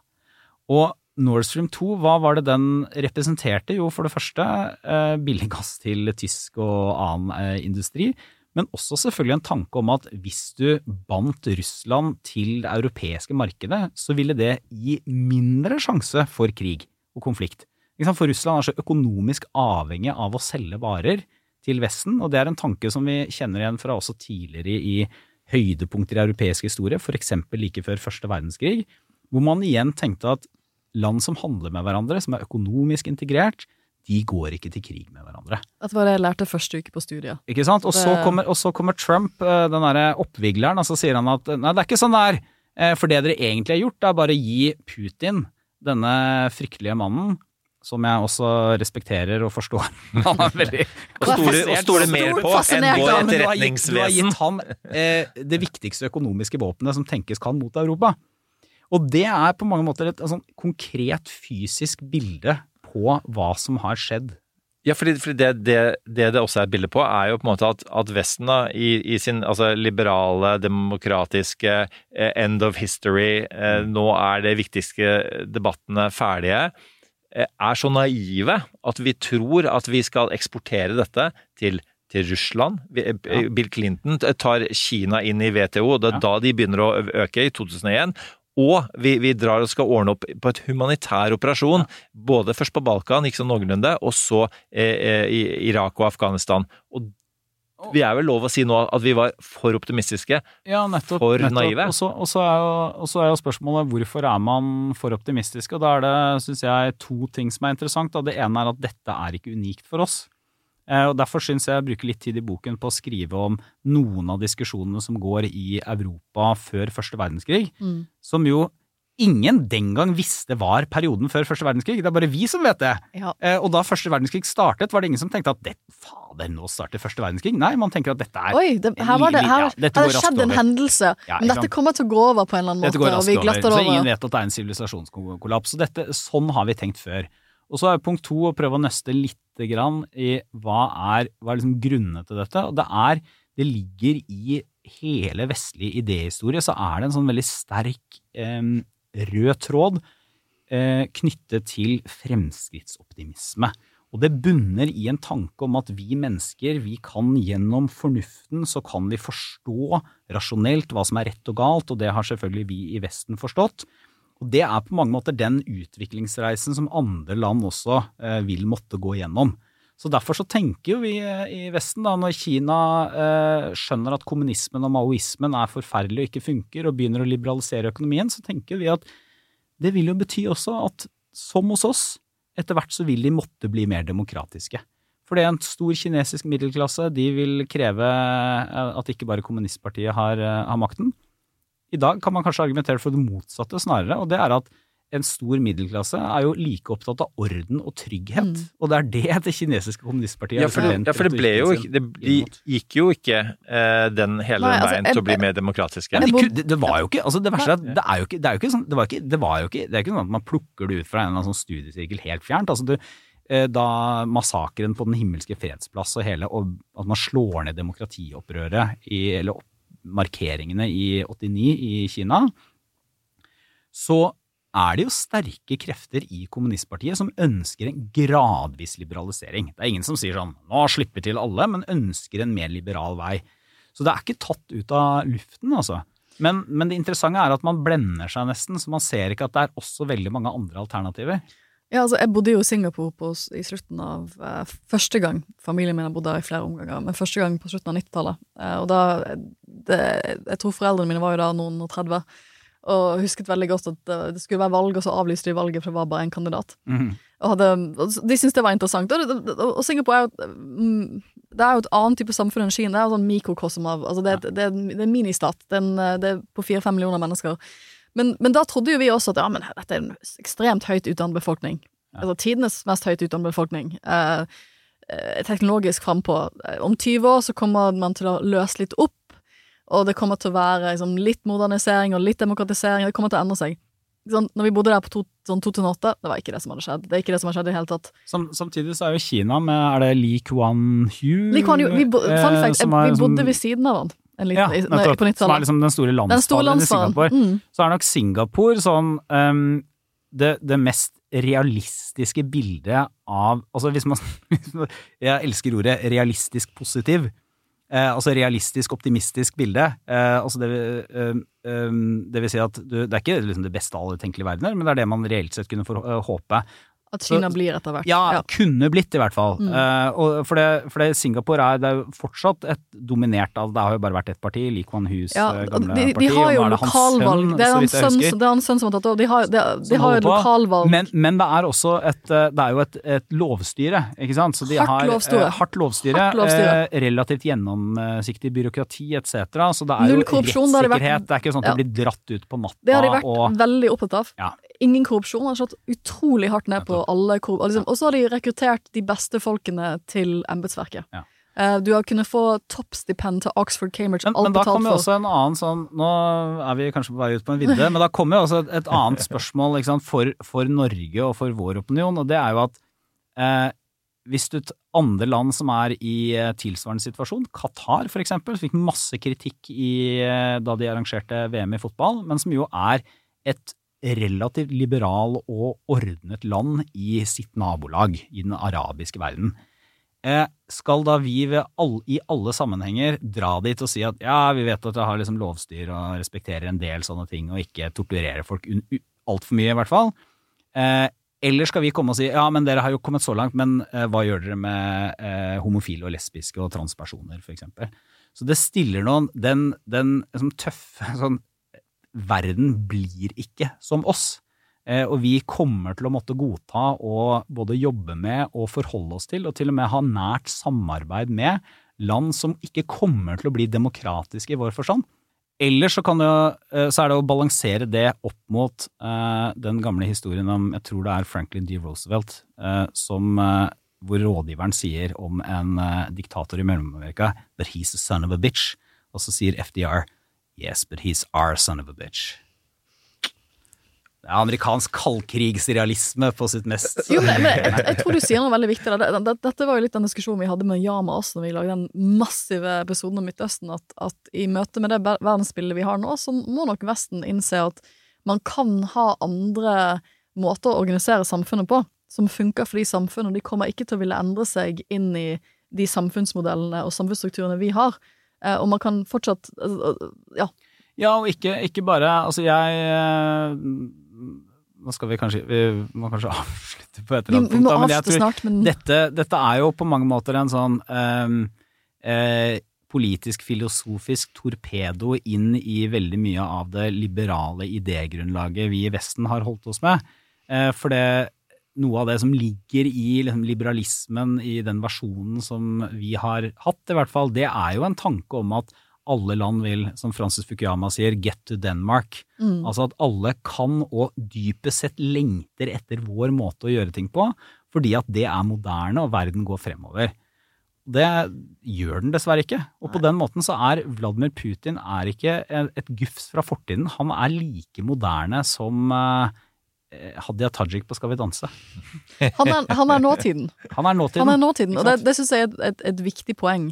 Jeg tenker jo også litt på George W. Bush, som sa liksom 'we'll be greeted as liberators'. Ja, ja. Og så skal vi bare gønne på med demokrati, og så blir det dritfint. Og så, sånn, sånn blir det ikke. Og Det, Jeg syns det var en fin eh, bro tilbake til der vi begynte. En, en annen bro tilbake til der vi begynte. Eh, Du var på øya i går, Torbjørn. ja, lite grann i hvert fall. Litt grann. Så du Blur? Nei, jeg gikk hjem for jeg ble litt syk. Ja, men, men du var lei deg for at du ikke så Blur? Ja, det hadde sikkert vært gøy. Og det. de som så det, eh, som nok tilhører vår generasjon, syns åpenbart det var veldig, veldig bra. Eh, Og jeg er veldig glad for at jeg ikke så det. Eh, Nei, glad, veldig glad for Lei meg for at jeg ikke så det. Glad for å se Håkan Hellstrøm i dag, som er også en en slutten av 1900-tallet, begynnelsen av 2000-idol. Og min teori er at uh, altså Britpop uh, lever. Eh, svensk britpop lever. Og det er, er vel så bra som det som fortsatt eh, holder på i dag. Vi må, vi må, ikke, måtte, vi må ikke kaste liberalt demokrati og eh, britpop, og indie-rock eh, under båten.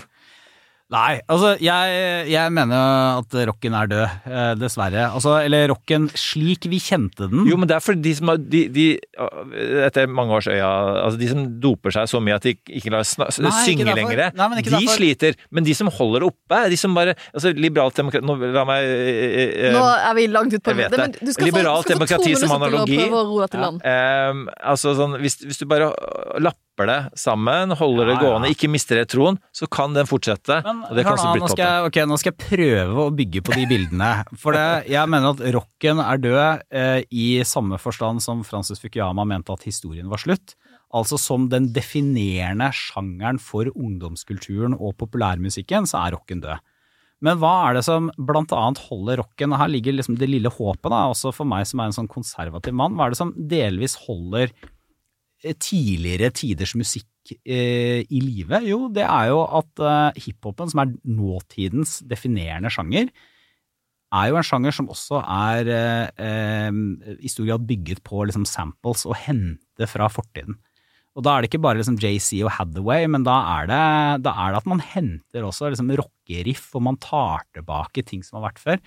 Så på den måten så er jo eh, vil, vil, Selv om rocken er død som den var, så vil den jo leve videre, og det kan vi jo håpe på med det liberale demokratiet òg, da. Men den, eh, eller det må vi jo håpe på, rett og slett.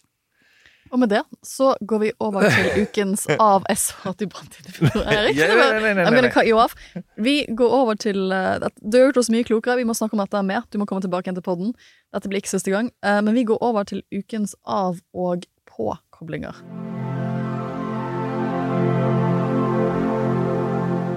Som altså er uh, ukas anbefalinger. Ja. Har du, eh, da kan du få lov til å anbefale boka di. Vi, kan- vi kan gjøre det. Uh, du kan få anbefale noe annet hvis du vil. Ja, det kan jeg, det kan jeg ha en annen anbefaling. Ja. Åpenbare anbefalingen er jo selvfølgelig å gå og kjøpe denne nye boken eh, til Torbjørn. Jeg gleder meg eh, allerede. Jeg føler at du har gitt oss en god teaser eh, på de lange resonnementene, men at vi må lese den for å virkelig forstå, ehm, forstå den fortellingen og hovedbudskapet du kommer med. Jeg gleder meg. Um, Eirik, anbefaling? Ja, du, ja, jeg skal anbefale noe enda eldre, og som også holder seg godt. Um, og det er eh, Harper Lees To Kill a Mockingbird, som er um, Var sånn- ikke det forrige ukens anbefaling? Nei, det var uh, Catcher in the Catcher Rye. in the Rye, Jeg har, jeg har You- klassiker, you- eh, you're am- store amerikanske yeah, okay. no, romaner eh, Altså, alle, alle bøkene jeg leste på ungdomsskolen, føler jeg du anbefaler nå. Men ja, fortsett. fortsett. Jo, men og og det er en grunn til at du leser på ungdomsskolen, men det, skjønte du ikke da du var på ungdomsskolen. Men Skjønte eh, veldig lite da. eh, Det som, det, som er, det som jeg sitter med der, er eh, litt sånn ref populismen, da. Eh, og, og, litt, og den kanskje den, den kjappe Hvordan vi ganske raskt egentlig Ja, kanskje kan snakke litt ned, da. For disse vi snakker om som, som ikke har, har så lang utdannelse, det er faktisk flertallet av befolkningen i veldig, veldig mange land, inkludert, eh, Inkludert Norge. Mm. Eh, så, så, eh, og der er, er altså Atticus Finch, da, som er hovedpersonen, som jo er, er jo en fantastisk ja, verdikonservativ, lib- sosialliberal fyr. Det kan dere slåss om, om hvem av dere som er, tar eierskap til det. Men han, han, han sier jo Han oppdrar jo ungene sine hele, gjennom hele boka, og, og, og liksom, fordi de, de er jo blir så veldig sure på, på disse rasistene i nabolaget og skal ta de og så videre. Og så, sier han at eh, et sted at Are you proud of yourself tonight that you have insulted a total stranger whose circumstances you know nothing about? Så han prøver å si som at la, snakk sammen. La, du, du, du, må, du må forstå folk. Eh, du må på en måte og det at folk sier og gjør dumme ting, det gjør alle. eh, Og du må ikke la det komme i veien nødvendigvis for, for, å, for den forståelsen. Og det er noe jeg tror vi, vi har, har mistet litt sånn i sosiale medieverdenen. Jeg fikk veldig lyst til å snakke om Catch in the Rye. Da.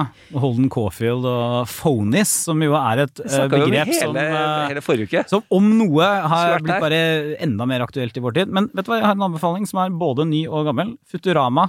Matt Groening, Simpsons-skaper, eh, har liksom hans nummer to-serie. har nå kommet tilbake etter å ha blitt kansellert to ganger. Ganske morsom. Og som all god Dette er jo liksom tulle-science fiction, da. Så speil, sier den jo absolutt ingenting om fremtiden, men sier mye om tiden vi lever i nå. Jeg trodde du kom til å si Fukayama, jeg nå, men du sa Futura, Futurama. Futurama, ja. Fukuyama som en sånn der tegneserie i Simpsons-style, det hadde vært Ja, det har sikkert kommet noe sånn End of History, The Cartoon og sånn Ja. også, men den har jeg ikke lest. Den vil jeg se. Skal vi lage den? Ja, dette var fantastisk. Vi må runde av. Tusen takk for at du kom, Tusen takk for at du kom, Torbjørn. Vi eh, lyttes neste uke. Da blir det uh, Arendal livepodder som vi kan by på. Som eh, Eirik var inne på, så er det to stykker vi skal lage neste uke. Det er en om ulikheter, som basert på en ny og spennende bok fra Fafo, som jeg gleder meg veldig til. Og Eirik skal endelig få EU-debatten sin. Ja. Så Det det er med Bjerknessenteret. med Bjerknessenteret. Og eh, som, som skal være EU, nordområdene og klima. Og så skal vi begge lede en hel bøtte med, med debatter. ting. Så synes- håper å, å, å treffe eh, både kjente og ukjente og lyttere og det hele tatt eh, Ja. der nede. Kom på Så arrangementene våre. si. Kom og si hei. Vi, eh, vi har lyst til å snakke med dere. Eh, Jeg skal jo da lede den siste samtalen på hovedprogrammet. Det skal være en samtale om håp, så jeg prøver nå å finne håpefulle ting. Så hvis dere har tips, kjære lytter, send meg eh, hva som gjør deg håpefull i disse dager. Så skal jeg prøve å sy det inn i den samtalen jeg skal ha med fire veldig spennende personer. Eh, Og med det så er det bare å takke for følget.